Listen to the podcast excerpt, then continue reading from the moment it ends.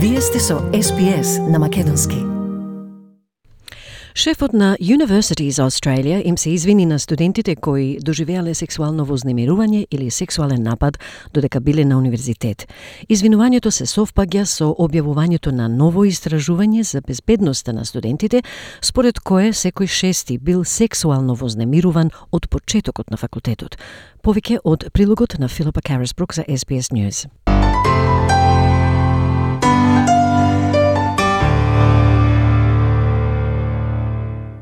Над 43.000 лица на 39 австралиски универзитети учествуваа во националното истражување за безбедност на студентите во 2021 година, при што речиси 2000 открија лични приказни за сексуално вознемирување и сексуален напад. Истражувањето покажа дека веројатноста да станат мета на сексуален напад е поголема кај жените отколку кај мажите, а домородните студенти и оние од културно различно потекло се изложени на поголем ризик. Утврдено е дека прекршоците се распространети. Се случуваат во кампуси, во стамбени коледжи, студентски домови, пабови и клубови.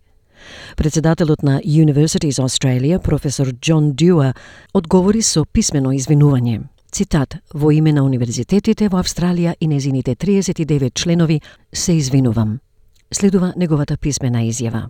On behalf of Universities Australia and its 39 members, I am deeply sorry.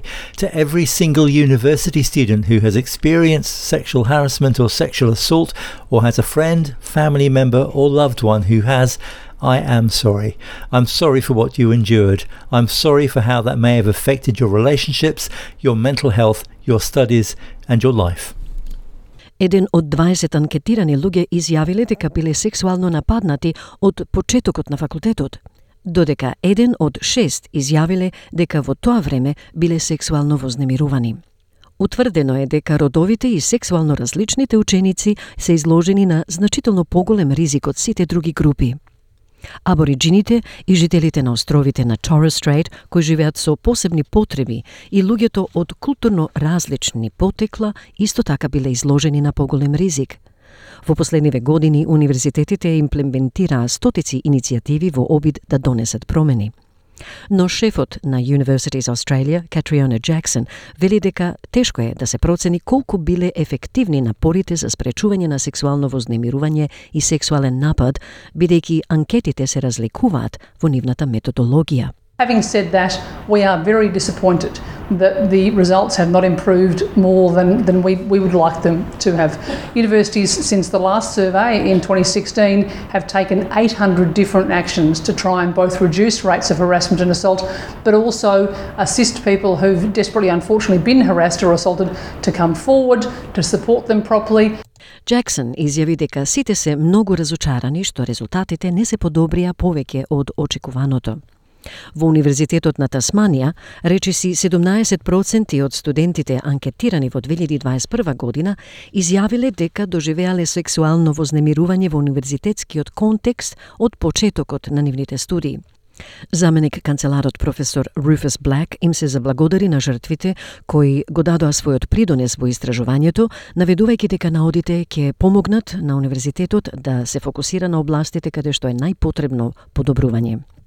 Господинот Блак изјави дека направено е многу, но има уште многу да се направи за да се обезбеди дека секој студент знае каде да пријави случај на сексуален напад, каде да добие помош. We've done a lot, but there's a lot more to do. We're well aware that we need to ensure every student knows where to report if they've had an experience, where to get help if they've had if they've had an experience of sexual harassment or sexual assault.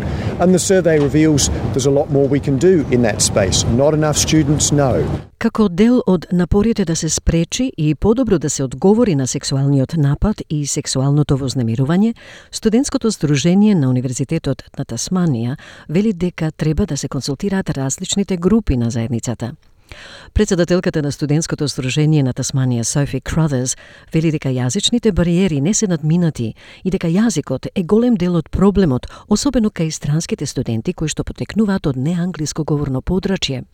Студентското здружение ТУСА веќе почна да допира до клубови и здруженија и да разговара за тоа како може да се вклучи гласот на студентите во одлуките што се носат. language is absolutely a massive problem um, part of this when we've got international students joining our community, um, when we've got people that come from non English speaking backgrounds.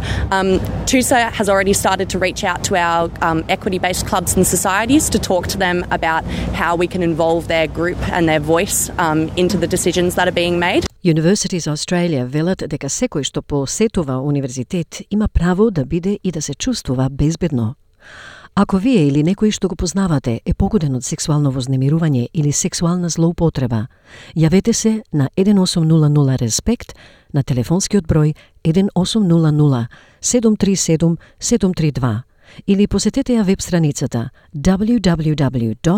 1800respect.org.au. Во итен случај, јавете се на 000. Вашата заедница, вашите разговори. СПС на Македонски. Сакате ли да чуете повеќе прилози како овој? Слушате подкаст преку Apple Podcasts, Google Podcasts, Spotify или од каде и да ги добивате вашите подкасти.